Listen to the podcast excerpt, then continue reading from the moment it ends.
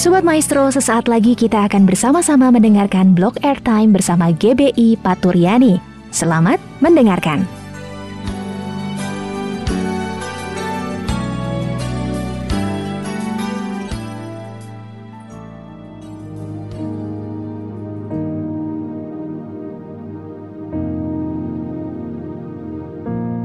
Shalom pendengar Radio Maestro yang dikasihi Tuhan.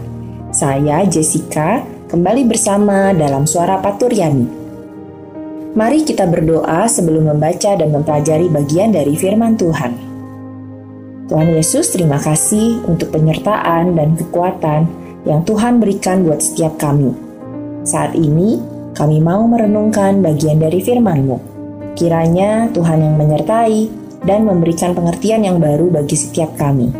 Di dalam namamu kami berdoa. Amin. Sobat Maestro, renungan pada kesempatan kali ini saya beri judul Mempertanyakan Tuhan. Saya rindu untuk kita sama-sama merenungkan seberapa sering kita yang katanya percaya, tapi banyak mempertanyakan Tuhan tentang apa yang terjadi, terutama tentang hal-hal yang kurang menyenangkan. Tuhan, mengapa begini? Tuhan, mengapa begitu? Kapan ya Tuhan? Bagaimana ya Tuhan? Saya teringat dengan kisah Yunus. Yunus bertanya-tanya juga kepada Tuhan. Dengan bahasa sehari-hari, mungkin dapat dirangkum dengan beberapa pertanyaan ini. Mengapa Tuhan harus kirim saya ke Niniwe? Toh pada akhirnya Tuhan akan mengasihi dan mengampuni mereka. Mengapa mereka harus diberi kesempatan untuk bertobat? Mengapa Tuhan tidak langsung saja memberi mereka hukuman? Seolah Yunus mempertanyakan dan mempersoalkan rencana Tuhan atas bangsa Niniwe. Sobat Maestro, mari kita baca perikop firman Tuhan dalam Yeremia 29 ayat 10 sampai 14. Sebab beginilah firman Tuhan. Apabila telah genap 70 tahun bagi Babel, barulah aku memperhatikan kamu, aku akan menepati janjiku itu kepadamu dengan mengembalikan kamu ke tempat ini. Sebab aku ini mengetahui rancangan-rancangan apa yang ada padaku mengenai kamu. Demikianlah firman Tuhan, yaitu rancangan damai sejahtera dan bukan rancangan kecelakaan untuk memberikan kepadamu hari depan yang penuh harapan. Dan apabila kamu berseru dan datang untuk berdoa kepadaku, maka aku akan mendengarkan kamu Apabila kamu mencari aku, kamu akan menemukan aku. Apabila kamu menanyakan aku dengan segenap hati, aku akan memberi kamu menemukan aku. Demikianlah firman Tuhan. Dan aku akan memulihkan keadaanmu dan akan mengumpulkan kamu dari antara segala bangsa dan dari segala tempat ke mana kamu telah kucerai beraikan. Demikianlah firman Tuhan. Dan aku akan mengembalikan kamu ke tempat yang dari mana aku telah membuang kamu. Melalui perikop ini, kita paham bahwa Tuhan telah memiliki rencana yang terbaik untuk bangsa Israel. Begitu pula untuk setiap kita. Semua rencananya penuh dengan damai sejahtera dan penuh dengan harapan. Namun, ada beberapa hal yang harus diperhatikan dalam menantikan janjinya untuk terjadi dalam kehidupan kita.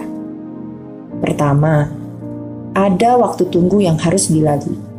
Ayat 10 tadi dikatakan bahwa apabila telah genap 70 tahun, barulah Tuhan akan menepati janji untuk mengembalikan bangsa Israel ke tanah mereka kembali. Muncullah pertanyaan-pertanyaan dalam diri kita.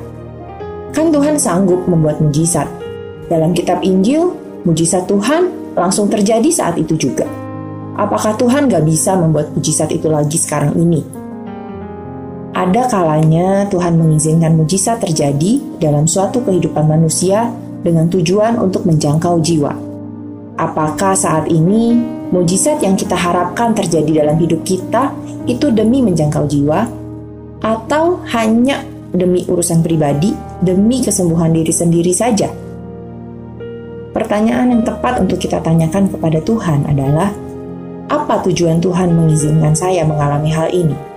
Apa yang harus saya lakukan agar melalui kesulitan ini saya tetap bisa menjadi berkat. Yang kedua, berseru berdoa dan tetap mencari Tuhan. Selama waktu tunggu yang dilalui, sikap kita pun menjadi sorotan. Apakah menanti dengan harapan atau menanti dengan keluh kesah? Pertanyaan yang mungkin muncul dalam benak kita adalah, Tuhan, saya sudah berdoa bertahun-tahun. Mengapa tidak ada satu hal pun yang saya harapkan terjadi dalam hidup saya? Kapan Tuhan akan jawab doa saya? Apakah perlu saya pergi berdoa ke suatu tempat khusus supaya Tuhan dengar dan jawab doa-doa saya? Yesaya 59 ayat 1 sampai 2 berkata, Sesungguhnya tangan Tuhan tidak kurang panjang untuk menyelamatkan, dan pendengarannya tidak kurang tajam untuk mendengar. Tetapi yang merupakan pemisah antara kamu dan Allahmu ialah segala kejahatanmu, dan yang membuat dia menyembunyikan diri terhadap kamu sehingga ia tidak mendengar ialah segala dosamu. Ayat ini menjadi perenungan jika hingga saat ini kita merasa belum mendapat jawaban Tuhan. Saat kita berseru dan berdoa kepada Tuhan, ingatlah untuk meminta ampun terlebih dahulu dengan bersungguh-sungguh. Atau bisa jadi kita juga kurang peka dengan jawabannya, sehingga kita tidak sadar bahwa sebenarnya Tuhan sudah menjawab. Kita akan masuk dalam poin yang ketiga, yaitu menemukan jawaban Tuhan. Mungkin kita mengeluh, Tuhan, andaikan saya bisa mendengar suara Tuhan secara langsung, seperti muka ketemu muka. Jika ini benar jawaban Tuhan, tolong Tuhan beri tanda, beri sinyal, beri kepastian ya Tuhan. Hal ini menjadi kita seperti menuntut Tuhan untuk menjawab dengan cara dan jawaban yang kita mau. Faktanya, Tuhan dapat menggunakan segala cara untuk memberi jawab kepada kita. Sebagai contoh, Musa dijawab dengan mujizat tongkat menjadi ular dan tangan kusta menjadi sembuh. Raja-raja Israel pada waktu itu mendapat jawaban Tuhan melalui perantaraan para nabi. Hingga zaman para rasul, bahkan pernah melakukan undi untuk menentukan apakah Barsabas atau Matias untuk menggantikan Yudas Iskariot sebagai salah satu rasul, dan undian pun jatuh kepada Matias. Banyak cara kita mendapatkan jawaban Tuhan. Yang perlu kita latih adalah kepekaan kita terhadap jawaban itu. Cara menguji apakah benar ini jawaban Tuhan atau hanya firasat sendiri. Dan selanjutnya, jika itu benar adalah jawaban Tuhan, apakah kita mau melangkah sesuai apa yang Tuhan bilang atau jika itu tidak sesuai dengan kehendak kita, maka kita enggan melangkah, menolak untuk taat dengan beribu alasan. Jika kita percaya, maka selayaknya kita mau belajar taat akan arahan Tuhan. Sobat Maestro, mari kita nantikan janji Tuhan untuk setiap kita dengan sikap yang benar. Mari kita dengan sabar menanti waktu yang telah Tuhan tentukan. Tetap berdoa, berseru, dan mencari Tuhan serta ketika sudah menemukan jawabannya, kita mau untuk belajar taat. Selama menantikan jawaban Tuhan, kita mau belajar untuk tidak mempertanyakan atau bahkan menyalahkan Tuhan akan keadaan yang mungkin tidak sesuai dengan kehendak kita. Mempertanyakan Tuhan sama dengan adanya keraguan dalam diri kita akan kuasanya. Amin. Mari kita berdoa. Tuhan Yesus, berbagai kerinduan dan keinginan yang sampai hari ini masih belum terjadi. Kami mau menantikan jawaban darimu dengan sikap yang benar, tanpa mempertanyakan atau bahkan menyalahkan Tuhan. Ampuni kami ya Tuhan jika kami pernah sampai melakukan hal itu. Kami mau tetap percaya kalau Tuhan sudah memberikan semua yang terbaik, rancangan damai sejahtera bagi hidup kami. Berkati siaran Radio Maestro, agar senantiasa menjadi berkat. Di dalam nama Yesus kami berdoa. Amin. Sobat Maestro, terima kasih telah mendengarkan suara Paturian. Saya Jessica undur diri. Tuhan Yesus memberkati.